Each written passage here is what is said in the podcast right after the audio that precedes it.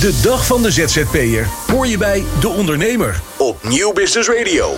En we zijn er tot drie uur vandaag vanuit Hart van Holland in Nijkerk bij de dag van de ZZP'er hier op Nieuw Business Radio. Van AOV tot inbedding, van de wet DBA tot dat deel uit het regeerakkoord waarin toch echt staat dat zelfstandig ondernemerschap gestimuleerd moet gaan worden. Ik ga erover in gesprek met Christel van der Ven, voorzitter van de Vereniging Zelfstandige Nederland en de Tweede Kamerleden Hilde Palland van het CDA en Marijke van Beukering van D66. Welkom allen, goedemiddag. Mevrouw van Beukering, om bij u te beginnen, van harte alvast met uw aanstaande burgemeesterschap van Nieuwegein. Ja, dank u wel. Het is heel eervol. Dat heb ik afgelopen dinsdag eh, te horen gekregen. Uh, maar voor iedereen die nu luistert, ik heb een hele goede opvolger in de Tweede Kamer. Dat is Romke de Jong. Die gaat uh, dit onderwerp voor mij overnemen. Want dat was inderdaad mijn volgende vraag. Wie neemt die portefeuille over? Arbeidsmarkt, ZZP, Romke de Jong. Romke de Jong. En dat is een ondernemer. niet een ZZP'er, want hij heeft wel wat personeel gehad voordat hij naar de Kamer ging. Maar ik weet dat de ZZP'ers bij hem ook aan het goede adres hebben, zullen zijn. Alle succes straks in Nieuwegein. Voelt toch een beetje als thuiskomen, hè? Er zit alleen een A2 uh, nog tussen IJsselstein. Absoluut. Ja, ja. Um, we zijn op de dag van de ZZP. Christel van der Ven, het is uitverkocht. Wat zegt dat? Ja, goed hè? Ja. Ja, dat zegt gewoon dat zelfstandige ondernemers uh, ontzettend uh, graag op zoek zijn naar eigenlijk manieren om hun ondernemerschap te verbeteren. Want dat is wat de dag van de ZZP'er is. Hè. Je krijgt inspiratie, je krijgt allerlei ja, slimme tips en trucs aangereikt om nog beter te ondernemen. En je kunt natuurlijk superveel hele leuke andere ZZP'ers ontmoeten. Het is hier bruisend, het is hier ook heel kleurrijk. Je ziet ook hier echt een grote diversiteit aan zelfstandigen. Het is gewoon heel leuk volkje.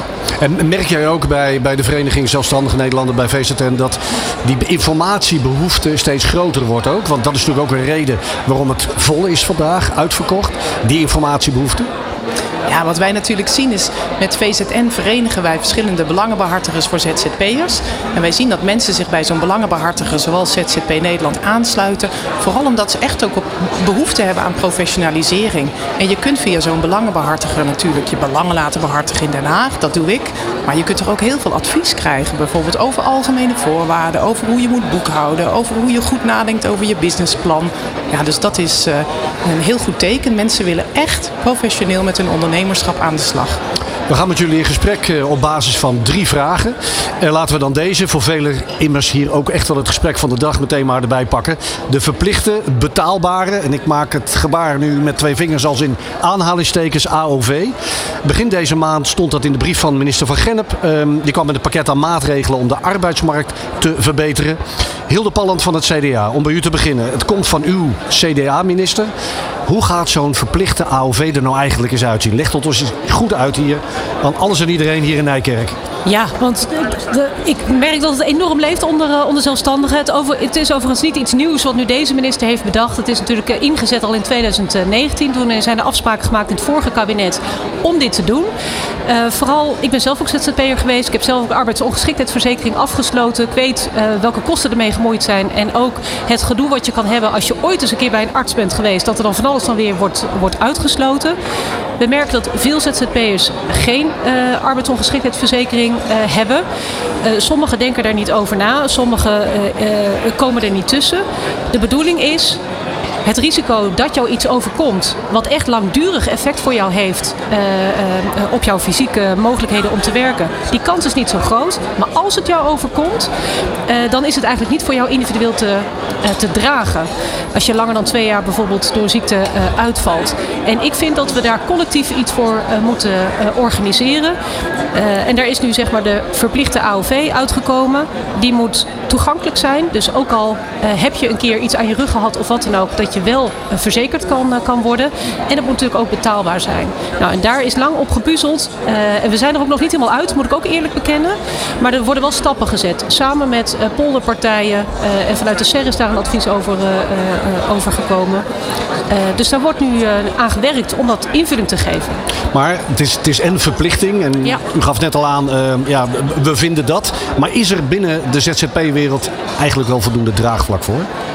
Ik hoor heel veel. Ik heb al uh, een paar jaar geleden uh, uh, ook met ondernemers over gesproken. En toen was al de discussie, dat bepalen we zelf wel. We zijn niet voor niks ondernemer.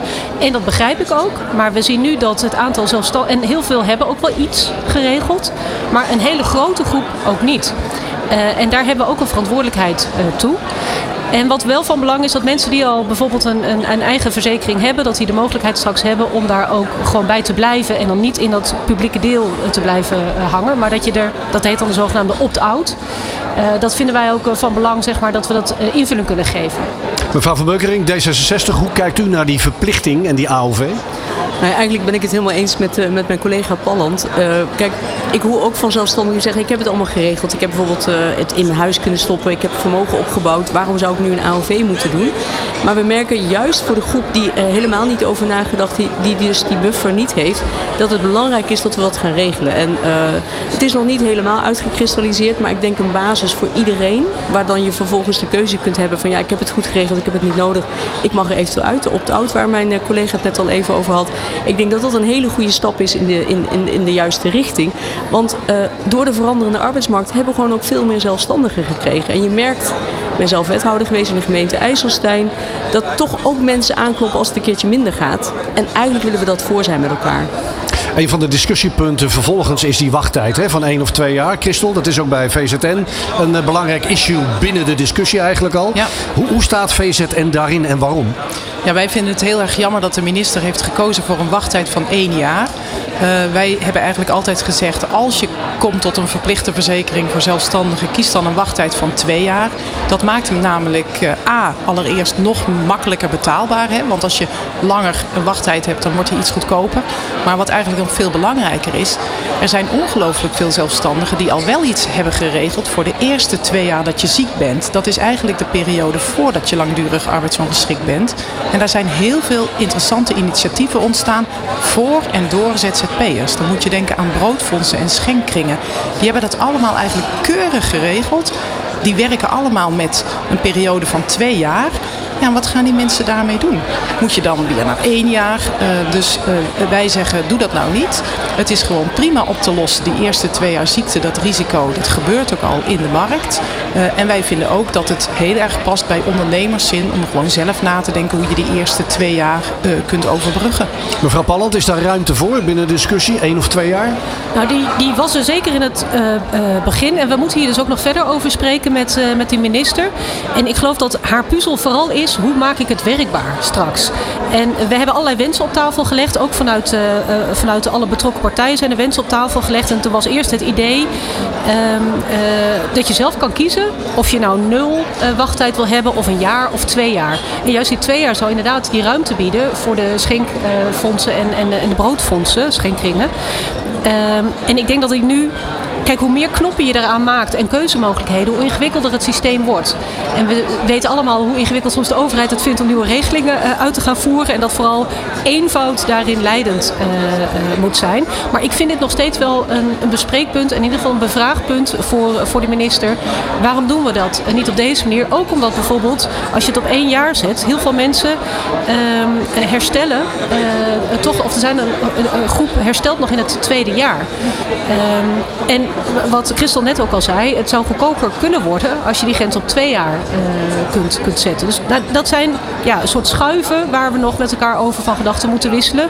Wel in acht nemende, hoe maken we het werkbaar? Hoe zorgen we ervoor dat die verzekering daadwerkelijk straks uh, van de grond komt? 95% van alle zieke ondernemers is binnen twee jaar weer aan het werk. Dus dat klopt inderdaad. En als we het hebben over werkbaarheid, wij maken ons ook hele grote zorgen. Want die publieke verzekering, die verplichte verzekering, wordt uitgevoerd door het UWV. Het UWV zou dan binnen een jaar moeten bepalen of iemand langdurig arbeidsongeschikt is. Nou, er komen allerlei technische details. Waar gaat die ZZP'er zich dan ziek melden? En het UWV geeft zelf de hele tijd aan. Wij hebben onvoldoende keuringsartsen, nu al voor arbeidsongeschiktheid voor werknemers. Dan krijgen er straks 1,4 miljoen ZZP'ers bij die ze ook nog eens sneller moeten keuren. Echt, dat moeten we niet doen. Mevrouw van Beukering, we horen het inderdaad de directie van het UWB zelf al zeggen. Wij kunnen dit eigenlijk helemaal niet aan. Nou ja, ik denk dat het heel belangrijk is dat we die signalen dus ook gewoon meenemen naar de Kamer toe. Op het moment dat we met de minister hier verder over doorpraten. Wat ik belangrijk vind is dat er dus eindelijk echt iets op papier is gezet hierover. Zodat we het gesprek in de Kamer kunnen gaan voeren. Want je krijgt een brief van de minister als, als Kamerlid. En dan is dat het moment om ook met elkaar uit te gaan wisselen. Wat vinden we er nu eigenlijk van? En alle signalen die hier vandaag en ook door mevrouw Van der Ven al eerder bij ons zijn aangegeven, worden altijd meegenomen. Dus daar ben ik dankbaar voor. En, en is voor u D66 nog één of twee jaar bespreekbaar? Ik denk dat, dat als blijkt dat het inderdaad misschien goedkoper zou kunnen, omdat het een wachttijd van twee jaar is, of omdat uit de cijfers blijkt, zoals mevrouw Van der Ven net ook al aangeeft, dat 95% herstelt, dan denk ik dat het goed is om daar ook naar te kijken. Maar nogmaals, het gesprek in de Kamer moet nog gaan plaatsvinden met de minister. Ja, want dat kwam vandaag alweer op de beursvloer ook al terug van een heleboel uh, zelfstandigen die hier zijn, die zeggen de wettelijke invoering van een AOV, dat gaan we deze kabinetsperiode sowieso niet meer meemaken. Nog los van of we vinden dat er een slow motion val gaande is. Anders hebben we verkiezingen over twee jaar. Het is nu nog een brief. Er moet nog een wetsvoorstel van gemaakt worden. Dat moet behandeld worden. Dan zijn we een jaar of vijf, zes verder. Dan ziet de wereld, mevrouw Palland, er waarschijnlijk heel anders uit.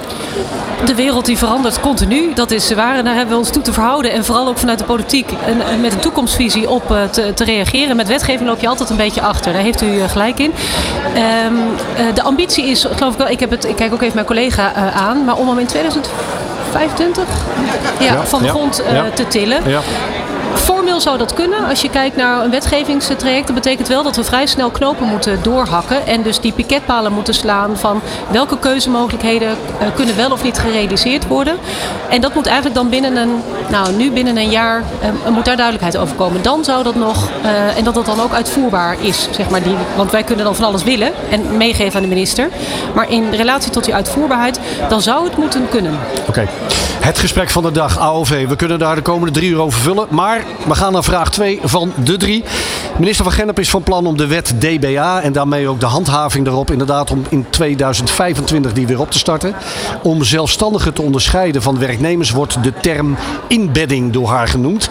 En dat als criterium. Dat begrip is veel voor, eigenlijk in, voor vele uitleg vatbaar, vaag wordt ook wel gezegd. Is het niet verstandiger om te komen met een aantal heldere ondernemerscriteria? Mevrouw van Beukering. Nou, daar ben ik het eigenlijk wel mee eens. Uh, we hebben ook uh, mogen reageren en ik heb toen vervolgens ook gevraagd om, uh, om naar de ondernemerscriteria te gaan kijken. Om nog heel even terug te komen op de inleiding. Ja. De handhaving wordt al eerder opgestart. Hè? Dus uiterlijk 1 januari 2025 willen we dat het handhavingsmoratorium, dus waarbij het is opgeschort, wordt opgeheven. Maar eigenlijk worden die stappen nu al gezet. Dus de Belastingdienst en het ministerie van S, Sociale Zaken en Werkgelegenheid is daar al heel druk mee bezig. Maar je merkt wel, er is niet één zelfstandige. Er zijn zoveel verschillende groepen zelfstandigen en zoveel verschillende uh, uitgangspunten, criteria waar je aan zou kunnen voldoen. Dat dit ook nog wel het gesprek is wat de Kamer verder moet gaan voeren. Dus de minister zegt ik wil daar wel wat stappen in gaan zetten. Ik denk dat het heel verstandig is dat ze dat gaat doen. Maar ik denk ook wel dat we de discussie nog wel wat breder zouden kunnen voeren wat dan die criteria kunnen zijn. En bijvoorbeeld, ja, sommigen zullen het heel makkelijk hebben. Die hebben verschillende opdrachtgevers. Ja, dan hoef je eigenlijk niet de vraag te stellen of het überhaupt een ondernemer is. En bij de ander uh, zul je daar wat meer moeite voor moeten gaan doen. En ik denk dat uh, het feit dat de minister het op wil pakken, dat dat wel een hele belangrijke is. Want, en daar zijn eigenlijk alle partijen in de Tweede Kamer het over eens, die schijnzelfstandigheid, daar moeten we echt van af. En dan willen we daarnaast de ruimte bieden aan al die ZZP'ers, al die zelfstandigen, om wel hun werk te kunnen blijven doen. Christel van der Ven, VZN, voor jou was dit eigenlijk een retorische vraag. Ja, precies. Ja, ja. ja. en ik ben ook heel blij met het antwoord van uh, Marijke van Beukering. Ja, wij zeggen eigenlijk al de hele tijd definieer nou vooral wat ondernemerschap is. Uh, en laat dat hele gebeuren met uh, ja, de inbedding maar zitten. Ik vind ook een aantal weken geleden heeft de rechter uitspraak gedaan in het kader van de Deliveroo-zaken. Dat was echt van zijn de Deliveroo-riders, zijn dat nou zelfstandigen of werknemers? Ja, ja. En daaruit blijkt eigenlijk dat gewoon het huidige arbeidsrecht ja, al voldoende aanknopingspunten geeft om te bepalen of iemand een zelfstandige of een werknemer is. Dus dat heeft ons eigenlijk alleen nog maar gesterkt. Je hoeft dat huidige arbeidsrecht helemaal niet aan te scherpen. Dat is eigenlijk nu helder genoeg om werknemerschap te kunnen definiëren. Wat veel relevanter is, is zullen we nou eens een keer definiëren wat zelfstandig ondernemerschap is. En daar hebben wij al meerdere malen goede voorstellen voor gedaan. Mevrouw Palland? Ja, ik, ik ben het op één onderdeel toch niet helemaal eens. Ik ben blij met die uitspraak van, van de Liverpool inderdaad. Ik denk dat iedereen het daarmee uh, eens is. Hè. Dat zijn geen zelfstandige ondernemers. Uh, in mijn beleving in ieder geval. Uh, maar de Hoge Raad heeft daarbij ook zich rekenschap gegeven en in de motivering aangegeven. ik ga geen nadere kader stellen, want ik weet dat de wetgever hier discussie over voert. En dus waarschijnlijk ook met met een soort aanscherping gaat komen. Dat staat gewoon in de uitspraak. ik denk dat er wel dat het nodig is dat we criteria verduidelijken. we hebben hele discussie ook gehad over de webmodule. Nou, iedereen die, die, die, viel over ons heen van, oh doe ons dat alsjeblieft niet aan met dat alle partijen dat moeten gaan invullen. En ik denk ook, ja, daar stop je nou de huidige wetgeving in en de stand van de jurisprudentie. En daar blijft gewoon diffuse uh, stukken in, uh, onderdelen in staan. Dus als wij willen dat het duidelijker wordt, dan moet, is daar ook een taak voor de wetgever om daar invulling aan, aan te geven. dus ik vind het heel goed dat we dat doen, onder andere met het rechtsvermoeden.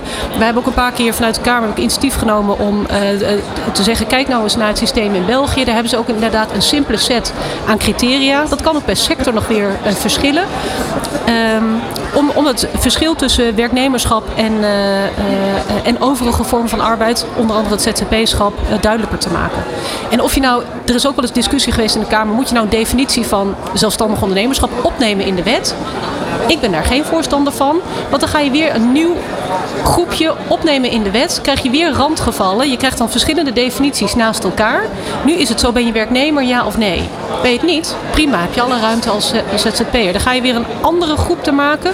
Wat nu als de partijen net niet voldoen aan, aan die twee verschillende definities? Dan krijg je weer een grijze categorie ertussen. Daar maken we het ingewikkelder van. Oké, maken we het ingewikkelder zo, Christel? De vraag is inderdaad of we eh, ook echt een aparte definitie in de wet moeten opgeven. Eh, wij zeggen, eh, kom nou met heldere ondernemerscriteria om die scheidslijn tussen werknemerschap en zelfstandig ondernemerschap scherp te stellen. Dus dan zou je eigenlijk ja, aan de hand van die ondernemerscriteria kunnen zeggen, nou dit is overduidelijk geen werknemer. Je bent een zelfstandig ondernemer, dan mag je ook als zelfstandige werken. Mevrouw Beukering? Ja, ik sta er precies tussenin precies, natuurlijk. letterlijk, ja. En uh, wij zijn ook op partij in het midden van de Kamer. Dus wat dat betreft herken ik ook wel wat gezegd wordt. Uh, ik, dit, dit is precies waar het steeds om gaat. Zeg je van ja, je bent geen werknemer, dus dan ben je automatisch een zelfstandig ondernemer. Of zeg je nee, we gaan toch bepalen wat die zelfstandig ondernemer is. En al die andere mensen moeten dan automatisch werknemer worden. Ik voel toch een beetje meer voor het tweede. Hoewel ik dan met mevrouw Palland nog een gesprek mag gaan voeren. Want uh, ik denk juist dat je met elkaar veel makkelijker kunt gaan kijken naar die ondernemerscriteria. En dat dan de rest van de groep in dienst gaat. En dus als werknemer bij een werkgever uh, aan, de, aan de slag gaat. Ik denk dat dat er misschien nog duidelijker is dan andersom. Helder. We gaan naar de derde vraag van de dag. Een brede vraag, in alle eerlijkheid. Hoe zorgen we ervoor dat de inhoud wordt, dat er inhoud wordt gegeven aan dat deel uit het regeerakkoord waarin staat dat zelfstandig ondernemerschap gestimuleerd moet worden? Uh, Christel, om deze uh, discussie aan te wakkeren, neem ons toch even in vogelvlucht mee. Wat is de bijdrage van zelfstandigen aan onze economie in de maatschappij? Ja, ja, ik heb daar een, een, keer een heel mooi blog op de ondernemer over geschreven. Hè. Nou, als ik door mijn dorp fiets, uh, dan uh, wordt het eigenlijk louter in de lucht gehouden en leefbaar door vooral zelfstandig ondernemers. Mijn jongens gaan naar Barbara Hakim. Ik ga zelf naar Eva die mijn haren knipt. ik koop mijn groenten bij Joyce van de groenteboer. bij Dick, de kaasboer, daar koop ik mijn kaas. Dus er zijn, en het zijn allemaal mensen die ondernemen en geen personeel hebben.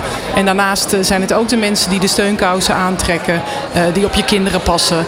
Uh, die alle gaten dichtlopen in de krappe arbeidsmarkt op dit moment.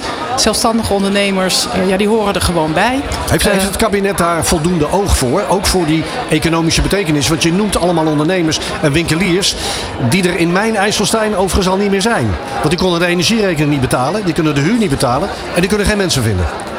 Uh, nou ja, mensen vinden, ze doen het al alleen. Dus daar zijn zelfstandigen vaak niet naar op zoek. Hè? Precies, dat is waar. Uh, bij mij werken ze nog wel, of leven ze nog wel. In Brabant misschien is het toch net iets anders. Het is altijd warmer. Dus hebben we de verwarming gewoon een klein beetje dat lager, zijn, denk ik. Ja. Uh, maar volmondig nee als antwoord op jouw vraag. Ja, Ziet ja. de politiek dat? Nee, er is ongelooflijk veel focus op de groep schijnzelfstandigen. Wij roepen daarom ook heel hard, kom in vredesnaam met duidelijkheid. Want nu merken wij dat eigenlijk al die andere zelfstandige ondernemers zonder personeel, dat die de dupe worden van die eenzijdige focus op het terugdringen van schijnzelfstandigheid. En de middelingsregeling is er al vanaf. Zelfstandige aftrek wordt afgebouwd zonder dat daar over wordt nagedacht hoe je die kan inzetten om juist mensen te, te incentiveren om goed voor zichzelf te zorgen.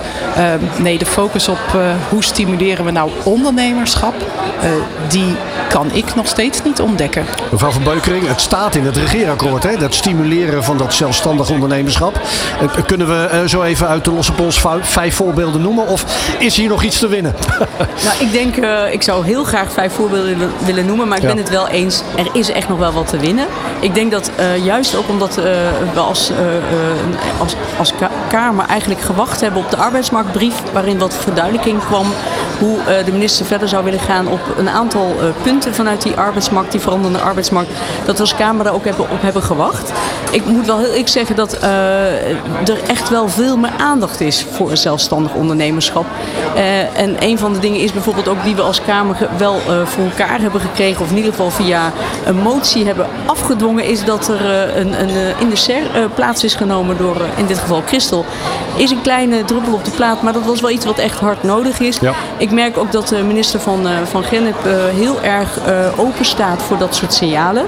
Maar er mogen echt nog wel wat stappen bijgezet worden. En die duidelijkheid gaat er wel bij helpen. Mevrouw Palland? Eens. Ik denk dat de, de focus afgelopen tijd heel erg zit op, met name ook omdat het uit de hand is gelopen eigenlijk, de doorgeslagen flexibilisering uh, op de schijnzelfstandigheid. We hebben nog stappen te zetten op uh, het aanjagen van, van de ondernemerschap bij, bij mensen, onder andere via het ZZP-schap. En nou ja, om maar in een historisch perspectief te plaatsen, het was ooit Abraham Kuyper die opkwam voor de kleine luiden. En dit zijn eigenlijk de nieuwe kleine luiden. Ik denk als we die de groep goed genoeg kunnen afbakenen, hè, de echte ondernemers eh, kunnen faciliteren eh, en hebben afgebakend van de schijnzelfstandigheid, dat er dan ook ruimte komt ehm, eh, om hen zeg maar, te kijken wat hebben zij nodig. Ook fiscaal bij investeringen die zij, zij moeten doen. Hè, de bakker die een nieuwe bakoven moet, moet aanschaffen of wat dan ook. Dat zijn stappen waar ik aan denk. Het begint ermee dat we erkennen dat zelfstandig ondernemers een bijdrage leveren. Ehm, en dat er werkelijk zelfstandig ondernemerschap is. En die eerste stap is gezet door ze ook een positie te geven de polder ten opzichte van de politiek als gesprekspartner. Dank. Ook op deze dag van de ZZP'er zal het ook hier nog, eh, nog lang over gaan. Dank Hilde Palland van het CDA. Dank Marijke van Beukering van D66. En natuurlijk ook dank aan Christel van de Ven van de Vereniging Zelfstandige Nederland. De dag van de ZZP'er hoor je bij De Ondernemer op Nieuw Business Radio. En ze staan zo dadelijk hier op het podium met een workshop over het pensioen. Maar we hebben ze nu in onze studio. Heidi Huurdeman en Rut van Willigen van ASR. Heidi is gecertificeerd financieel planner en werkt bij ASR als product manager. Rut is marketeer en houdt zich onder meer bezig met ZZP'ers en hun financiële toekomst. En dat in de breedste zin des woords. Rut, misschien heb je net iets meegekregen eh, van de discussie met de Tweede Kamerleden over een verplichte AOV. Ja. Hoe, hoe sta jij daarin en wat, wat merk jij uh, daarvan aan je klanten? Wat ik daarvan merk aan mijn klanten? Ja. Nou, ik moet eerlijk zeggen, wij houden ons iets meer bezig met pensioen. Ja. Maar de, uh, wat we daar allebei in zien, het zijn allebei dingen, verplichtstelling, dat vinden ZZP'ers toch lastig. Uh, en dat geldt ook bij pensioen. Dus Precies. hmm. Ook hier komt het woord verplicht weer terug. Hè? Die verplichting, het is vrijheid versus verplichting. Ja. ja. Um, je krijgt er nog niet heel veel vragen over, maar merk je dat het daardoor misschien wel wat meer op de kaart komt te staan? Bezig zijn met je financiën, ook voor later. En afijn, hier heb je het bruggetje naar pensioen. Ja, dankjewel. dankjewel. Ja. Uh, nou, inderdaad, weer heel belangrijk, het, het bezig zijn voor later. Dat is natuurlijk een heel belangrijk onderwerp. En denk inderdaad zeker als het meer in opspraak komt in de Tweede Kamer, uh, dat het zeker een onderwerp is wat meer gaat leven. Dat mensen toch denken, hé, hey, hier moet ik iets mee. Heidi, jullie workshop gaat daar zo dadelijk over, hè, over het pensioen. Wat ervaar jij daarbij? Is er überhaupt voldoende kennis onder zelfstandigen over dat pensioen? Nou wij, zien in, nou, wij zien dat zelfstandige ondernemers eigenlijk heel veel kennis hebben over hun eigen vakgebied. Maar dat zij uh, ja, kennis over pensioen, over financieel inzicht, financieel bewustzijn, dat daar nog wel een slag in te maken is. En dat ze daar echt uh, zich in moeten verdiepen eigenlijk om dat eigen te maken. Is het, is het ook een generatiedingetje? We hadden aan het begin van de uitzending Peter Heerschop te gast. Die zei, op mijn veertigste was ik daar eigenlijk helemaal niet mee bezig. Hij is nu 62, fluisterde hij ons in. En dat begint eigenlijk bij hem ook nu pas te leven. Is het een generatieding? Absoluut. Ja? Wij zien Ja. echt dat jongeren gewoon minder met pensioen bezig zijn. Is echt een ver van hun bedshow. Dus dat duurt gewoon nog heel lang. Überhaupt weten ze niet wanneer ze met pensioen gaan. Of ze überhaupt met pensioen gaan. En naarmate je ouder wordt natuurlijk, komt die pensioendatum gewoon dichterbij en wordt het relevanter. Is, is dat een gevaar, Rut, dat er zo weinig nog mee bezig zijn, zeker in die leeftijdscategorie? Ja, zeker. Het is juist een voordeel om vroeg te beginnen met pensioen. Dan hoef je eigenlijk minder in te leggen om er later oké voor te staan. En je hebt jaren om bij te sturen. Eh, dat is eigenlijk het grote voordeel, waardoor het zonde is als je het zover voor je uitschuift. Kun, kun je ons eens meenemen in een case, want je hebt het over inleggen. eh, wat, wat ik aan het eind van de maand kwijt zou zijn om uiteindelijk als ik straks de leeftijd van Peter Heerschop heb eh, bereikt, om, om dan nog steeds voldoende in de digitale portemonnee te hebben? Ja, dat is heel lastig te zeggen, want ik pak hem even over van Rut. Dat is eigenlijk heel lastig te zeggen, omdat je afhankelijk bent van waar leg je in. Eh, wat doe je? Ga je beleggen of sparen? Of eh, steek je dat in je eigen huis? Of doe je helemaal niks? Eh, ga je bijvoorbeeld wachten totdat je je onderneming kan verkopen en dat je daar dan geld voor overhoudt? Ja. Maar als je inderdaad echt een, spotje voor later wilt opbouwen, ja, dan kan je beter nu al beginnen, wat Rut zegt. En bijvoorbeeld 100 euro opzij zetten per maand. En daar gewoon een goed kapitaal aan overhouden, bijvoorbeeld over 20 of 30 jaar. Maar als jij echt eh, bedragen kunt, ja, wilt hebben van mij, die kan ik niet zo noemen. Omdat je gewoon afhankelijk bent van meerdere factoren. Begrijp ik. En, en hangt jullie advies dan ook af van de facturen die ik aan het, aan, aan het eind van de maand kan sturen aan mijn opdrachtgevers? Want je hebt het over 100 euro, dat is natuurlijk een symbolisch bedrag, maar het moet wel allemaal kunnen. Ja, precies. Dat moet zeker allemaal kunnen. Ehm, je hebt gewoon verschillende manieren om pensioen op te bouwen. Dus dat kan inderdaad gewoon 100 euro per maand opzij zetten en dan eh, op een spaarrekening of een beleggingsrekening of waar je het ook wil gewoon beleggen bijvoorbeeld.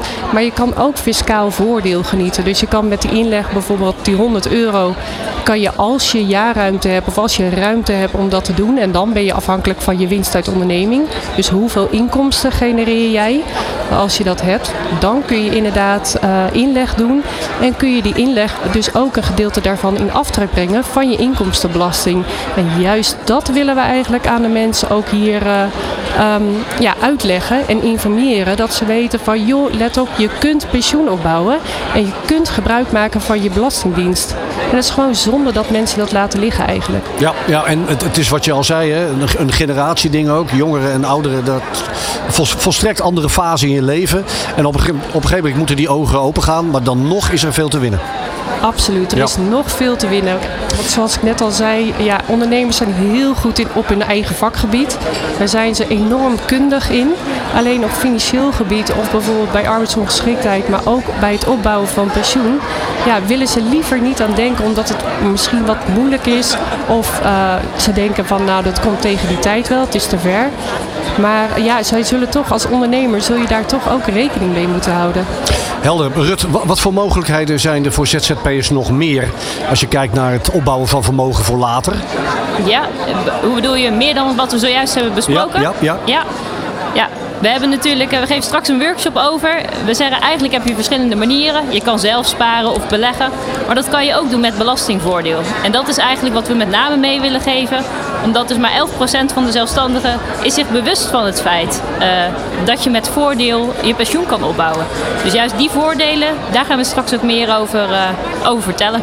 Oké, nou jullie moeten die kant op eh, Ja. richting de workshop. Heidi Huurdeman en Rut van Willigen van ASR. Ze zitten verderop op jullie al op, te wachten. Dank voor jullie komst naar de studio. De dag van de ZZP'er hoor je bij De Ondernemer op Nieuw Business Radio. Ja, en we hebben zowaar de Freelancer of the Year te gast in onze studio hier in Nijkerk in het hart van Holland. Hij is de meest gevraagde conversie- en neuromarketing spreker en trainer in Nederland. Martin van Kranenburg, welkom. Leuk hier te zijn. Jij bent als een vis in het water. Ik ben hier als een vis in het water. En het is eh, geweldig zoveel ondernemers te zien. ehm, en ook zoveel ondernemers te spreken. Eh, en heel veel ondernemers die eh, ja, nu toch wel aangaan op dat, eh, op dat schrijven. Dat is een beetje een onderwerp geworden, zeker de laatste maanden. Ja. Maar dan moet je, wel, moet, moet je wel weten hoe je dat onbewuste brein kan meekrijgen. Martin, eerst nog even voor de luisteraars die denken conversie en neuromarketing. Help even. Ja, eigenlijk het spel waar ik me al 25 jaar mee bezig hou. Dat als ik op een website kom.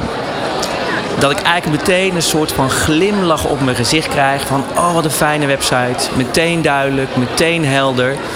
En onthoud, zeker nu, 95% van onze beslissingen nemen we onbewust.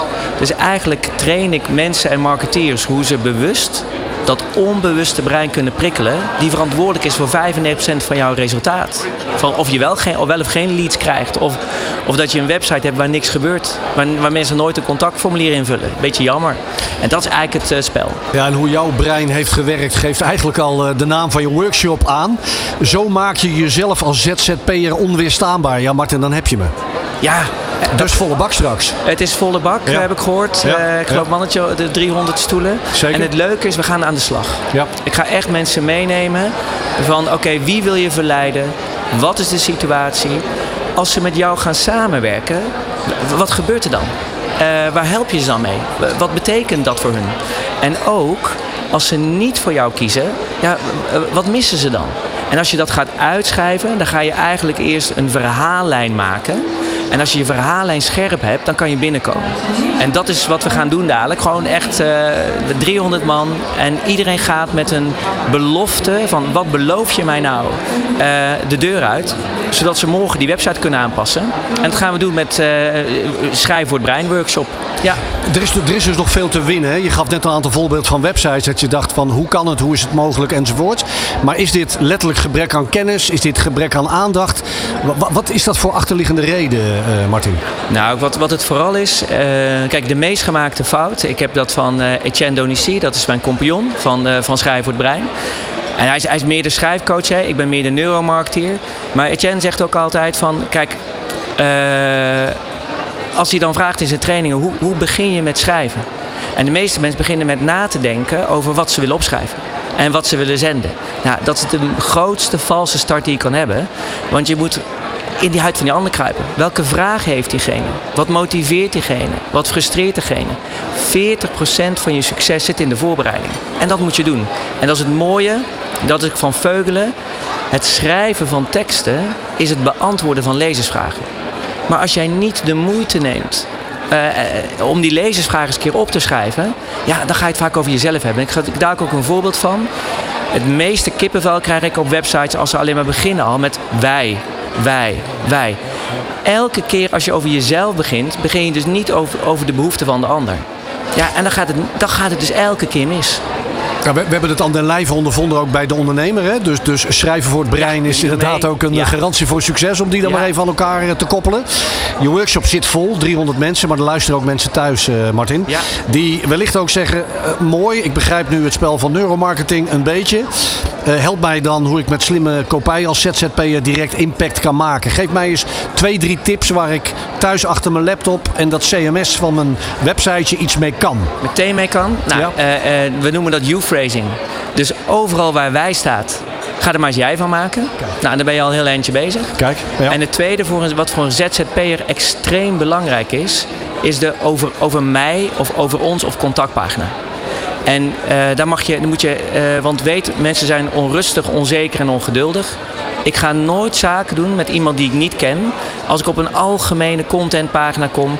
En bij sommigen die hebben daar een foto van een pand. Nou, ik kan je één ding beloven. Mensen willen geen zaken doen met een pand. Mensen willen zaken doen met mensen. Precies. Zet daar je verhaal. En zorg dat ik aanga. En ja, dus over ons pagina, ga daar naar kijken.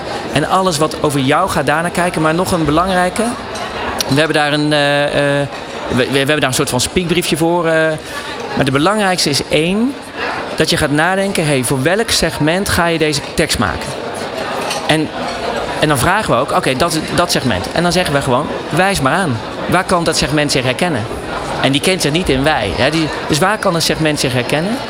Dan het tweede is, voel ik een beetje urgentie of noodzaak op die website dat ik vandaag in actie moet komen, dat je vandaag moet bellen. Want als dat niet doet, joh, dan mag je de belastingdienst zijn. Ja, dan, ga, ik ga het gewoon invullen. En de derde is, en deze is extreem belangrijk, wat beloof je mij als ik met jou zaken ga doen? En het brein wil gewoon drie keiharde beloftes zien. En dan ontstaat er als laatste een schakel in ons brein. Als het, als het brein een belofte ziet, dan denkt hij ja, ja, het zal wel. Ja, jij vindt jezelf wel. 14% vertrouwt de mening van het bedrijf. 70% vertrouwt de mening van de ander. Dus hij wil bewijs zien. Sociaal bewijs. Het, het tweede principe van Cialdini. Hier kun je thuis mee aan de slag als je op dit moment gekluisterd aan de radio uh, zit. Dankjewel Martin voor deze adviezen. We gaan nog even terug naar de Freelancer of the Year Awards. Ja. We hebben je immers hier nu zitten. In november ging de titel naar jou. Ehm, wat heeft dat je daarna gebracht? Ja, een, een, een, mooie studio thuis. Ja, dat heeft me gebracht. Ja, dus, ja, ja. En een podcaststudio. En een prachtige tafel. Die heb ik helemaal op maat kunnen laten maken. Nee, het was, was mooi. Ik, het heeft me heel veel gebracht. En uh, het mooie is heel veel publiciteit. Uh, onder de doelgroep, die, die, die, de ZZP'er. Ja. En iedere ZZP'er die een eigen website heeft, ja, wil je impact maken, dan moet je dit spel snappen. En anders kan je content maken. En dat, dat, dat ja, twijfel converteert niet. Twijfel confronteert niet. Ook die uh, noteren we voor, voor, vandaag in de categorie uh, spreukjes voor later. Uh, Martin, jij mag zo dadelijk ook naar je, naar je workshop ja. toe. Succes straks. Dank voor de tips die je hebt willen prijsgeven in de uitzending. op de beursvloer, je kent hem, Roland Tameling is aan de wandel. Roland, het is druk, dat weten we. Het is uitverkocht vandaag hier in Hart van Holland. Ehm, neem ons mee. Wie en wat zie je om je heen? Ja, ik zie hier wederom heel veel mensen even in de rij staan om lekker een broodje te eten. Trouwens, uitstekende broodjes. Ik loop tussen de verschillende stands door. Uh, waar onder andere de overheid, Lease a Bike, uh, ASR hebben we net al gehoord. ZZP dienstverlening, ICM opleidingen en trainingen. zijn allerlei partijen hier aan de, aanwezig om de aanwezige uh, kennis bij te brengen en wellicht uh, goed advies te geven. En ik ga nog even één rondje snel vragen um, bij mensen die hier aan, uh, aan, de, aan de desk staan. Heel vervelend, ik weet het. Ik ga jullie even storen terwijl jullie druk in gesprek zijn. vergeef me daarvoor. Wat brengt jou hier? Uh, wij zijn uh, Hiscox Nederland, dus wij vertegenwoordigen hier uh, ja, onze verzekeringsmaatschappij. En wat sta je te doen met deze dame hier? even bekijken wat de mogelijkheden zijn voor haar beroep. En welke mogelijkheden hebben we het dan over? consultancywerkzaamheden. ja, dan is het de vraag of het binnen onze mogelijkheden past. En dat is altijd ja, het lastige ervan. Ja, het is nog niet heel concreet. Dan ga ik even vragen aan mevrouw. Mevrouw, wat, wat brengt jij hier? Um, gewoon rondkijken. Ja? Ja. Maar gewoon rondkijken kunnen we in, in, in de winkelstraat ook. U komt hier vast met een reden, toch? Nee, nee uh, omdat ik ben uh, zelf uh, freelance consultant. It's too, too close, sorry. Oké, okay, ja, freelance consultant. En wat wilt u leren vandaag? Um, nou, gewoon kijken hoe, how Dutch government takes care of the ZZP'ers. Dat is ook weer mooi om te horen. Dank je very, dank je very much. Ja, ik ben ook heel internationaal. Um, zo zie je maar weer diverse nationaliteiten ook hier op, op de beursvloer. Ik ga nog even snel kijken of ik nog iemand anders kan, kan treffen die een, een mooie levensles of ondernemersles heeft geleerd vandaag. Hi, ik zie jou zo breed lachen. Mag ik jou snel even vragen met een kopje koffie in je hand. wat heb jij vandaag geleerd? Uh, ja, heel veel. Nou ja, ik sta voor freelance factoring hier. Uh, maar ik werk hier pas twee weken. Dus ik ben vooral heel veel over mijn eigen werk aan het leren. Maar dan, dan weet je ook veel over wat de mensen voor vragen stellen vandaag hier. De ZZP'ers die hier aanwezig zijn. Welke vragen krijgen jullie gesteld? Uh, hoe kunnen we de Apple Watch winnen? Wauw, dat is zo zie je maar weer. En hoe kunnen ze die winnen? Uh, door het aantal uh, gouden muntjes te raden in de doos. Ja. Nou, ik vind het een hele mooie actie, maar uh, ze zullen vast ook wat, wat inhoudelijkere vragen stellen, toch? Wat, wat hoor je zo al? nou, de meest basisvraag over wat houdt factoring in, dat wordt gevraagd. Vooral het meest dat mensen daar nog niet zo bekend mee zijn en dat ze daar graag meer informatie over willen. Duidelijk, heel goed. Nou, zo, zo heb je dus ook weer wat te leren hier. Dankjewel en geniet van de koffie. Ik ga nog één laatste persoon even spreken. Ik ga altijd een beetje kijken of ik nog wat, wat paradijsvogels kan vinden in positieve zinnen. Mensen die lopen hier toch vaak ook zichzelf enigszins in de etalage te zetten, als je begrijpt wat ik bedoel. Um, ja, deze meneer. Goedemiddag. Ik ga jullie even storen. Wat heeft u een, een waanzinnig shirt aan? Ik zie parachutes, uh, ik zie satellieten, ik zie...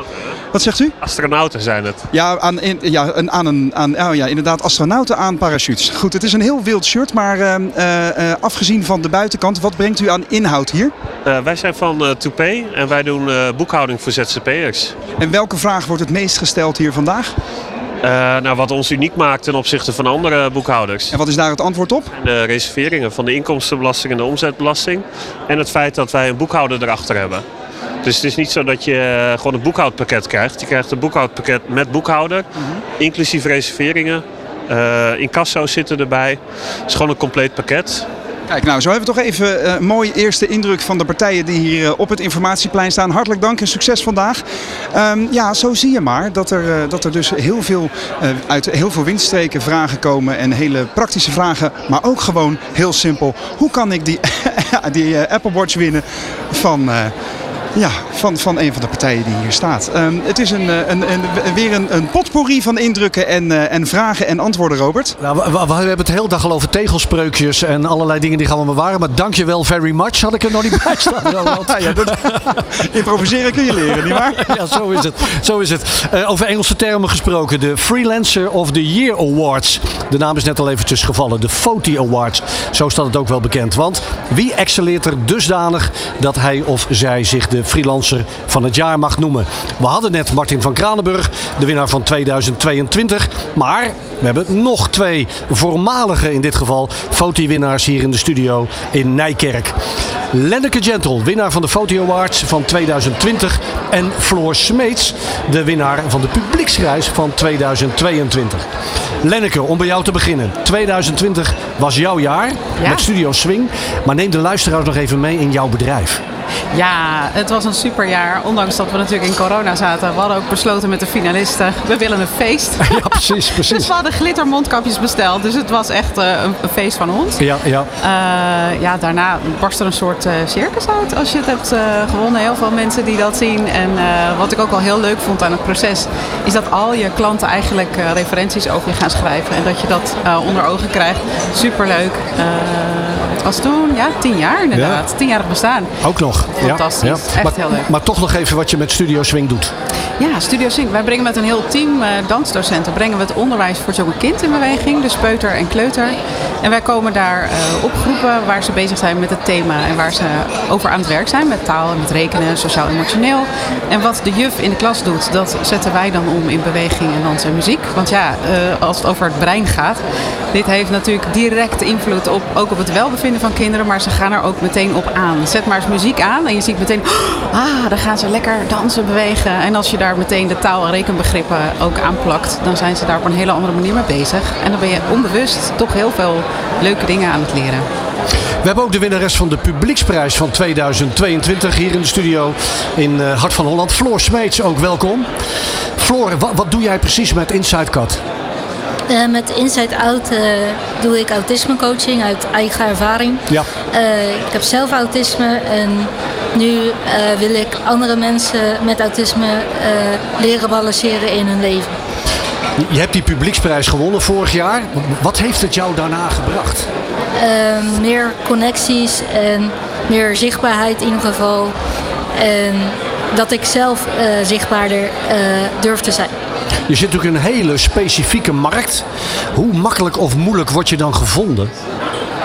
Ehm, ja, het is, hoe heet het, je moet vertrouwen eh, krijgen van de mensen om je heen en eh, ook van organisaties. Het is eigenlijk netwerken en veel berichten eh, op social media posten. Maar is, is het ook mond-tot-mond reclame? Eh, ja. Ja, ja. Dus als je eenmaal een aantal mensen aan boord hebt, dan gaat die bal daarna ook daarom wel rollen. Ja. Hoe is dat bij jou, Lenneke? Ja, hetzelfde natuurlijk. Onderwijs is ook eh, mond-op-mond, kinderopvang ook. Kleine wereld, eh, relatief kleine gezien. wereld, ja, Ja, inderdaad. En als je bij een, eh, ja, het, het klikt gewoon met klanten. Klanten zien ook wat we voor ze kunnen doen. En dat, dat werkt eigenlijk heel goed. We worden, we, ja, 200 docenten in Nederland-België, maar er zijn veel te veel aanvragen. Je gaf net al aan, jullie winnen die prijs in de coronatijd. Toen Ja. zag de wereld er letterlijk heel anders uit. Een Ja. statement van de dag.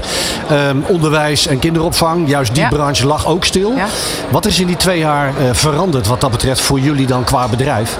Er is heel veel veranderd, want kinderen zaten natuurlijk extra veel thuis en extra veel stil. En wat we nu zien op de werkvloer is dat kinderen eigenlijk eh, best wel teruggetrokken zijn, moeite hebben met eh, sociaal gedrag, sociale vaardigheden ontwikkelen.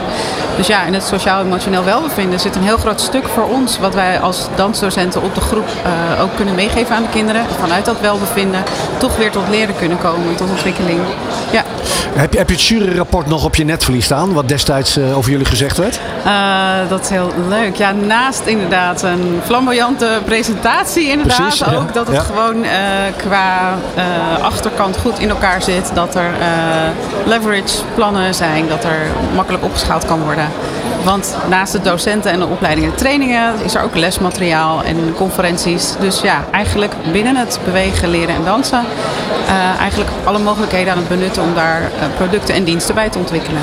Zou dat juryrapport in 2023, want daar zitten we inmiddels alweer, nog zo geschreven kunnen worden? En dat bedoel ik eigenlijk, hoe heeft je bedrijf zich daarna doorontwikkeld? Ja, interessant. Uh, de bekendheid is groter geworden en er staan ook nu leerkrachten en PM'ers in de rij. Dus wat dat betreft heb ik een beetje een primeur in deze radio-uitzending. Ah, want de opleidingen die ik normaal altijd op de groep gaf, dat is natuurlijk met één of twee PM'ers of een leerkracht en een groep kinderen, ben ik nu aan het digitaliseren gegaan tijdens coronatijd. En er kunnen nu per jaar uh, 100 docenten tegelijk meedoen. Dus dat is ook meer schaalbaar. En we gaan kijken wat er mogelijk is om het ja, nog schaalbaarder te maken. Dat er per jaar misschien duizend mensen mee kunnen doen met coaching en training. Dus dan ja, heb je sneller je, je doel bereikt ook. Waarvan akte? Floor, hoe belangrijk is dat bij jou, groei van je bedrijf? Um, ja, groei is voor mij dat. Hoe heet het? Vorig jaar was het echt in zichtbaarheid en nu wil ik, uh, hoe heet het, echt gaan kijken van hoe, uh, wat, wat, wat kan ik uit die zichtbaarheid, uh, zichtbaarheid halen. En hoe het, ik ga ook stoppen met, loondienst, met mijn loondienstbaan om okay. helemaal focus te brengen aan mijn twee bedrijven. Want naast Inside Out heb ik ook nog Inside Web. En daar maak ik websites en daar let ik ook heel erg op de digitale toegankelijkheid. Oh, wat goed. Dus dat betekent eigenlijk al dat, dat klanten, om het dan zomaar even te verwoorden, ook in, in jouw geval, eigenlijk hun vraag kunnen combineren nu. Uh, ja. ja. Is er veel concurrentie of zie jij concurrentie meer als conculega's? Uh, ik zie ze meer als con-collega's. Want je kan uh, van je con-collega's gewoon ook veel leren. En, en samen, door samen te leren kom je ook weer verder. En, en, ziet iedereen dat ook zo in die markt? Zijn jullie makkelijk benaderbaar en ook toegankelijk als in van als we de expertise nou delen dan enzovoorts? Uh, bij de autismecoaches zijn het veel meer, ligt het meer op van uh, waar je richt je je op. Dus dat is, uh, sommigen die doen het meer op partnerschap, de ander meer op balans en de andere meer weer op studenten. Ja. En uh, met de websites heb ik gewoon een andere tak gekozen. Begrijp ik. Uh, want in 2025 komt er een nieuwe wet dat uh, ondernemers, hoe heet het, bedrijven met 2 miljoen omzet en plus en 10 medewerkers sowieso aan de wet moeten voldoen. Klopt, ja. ja. Hoe is dat bij jou? Het, het, het, als je kijkt naar het concurrentieveld, is dat, is dat concurrentie ook? Of, of is het vol, die markt eigenlijk al? De bewegend lerenmarkt is overvol. En we zien ook daar hele platte interventies ontstaan, uh, wat niet zoveel waarde heeft voor het kind van binnen. Uh, de dansend lerenmarkt echter, die is nog lang niet vol. dus ja, wat dat betreft uh, is er taaldans en rekendans wat we met de dansdocenten doen. Maar het blijkt dus dat de leerkrachten en de PM'ers dat ook heel graag willen leren. Ja, dan komen ze toch meteen bij ons uh, terecht. Dus dat zit, is daar zit die groei nog? Daar zit zeker groei, ja. ja. Als we kijken naar jouw Floor uh, en de groei van jouw bedrijf, kun je zeggen dat er een moment is waarop het voor jou geslaagd is? Um, hoe heet het? Voor mij is het geslaagd als het elk jaar gewoon ietsjes groter wordt. Zonder te veel druk.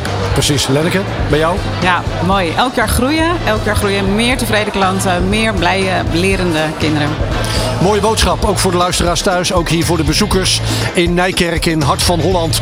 Lenneke Gentle, winnaar van de Foto Award in 2020 met haar Studio Swing. En Floor Smeets, de publieksprijswinnares in 2020 met Inside Out. Dit is De Ondernemer met live de dag van de ZZP'er op Nieuw Business Radio.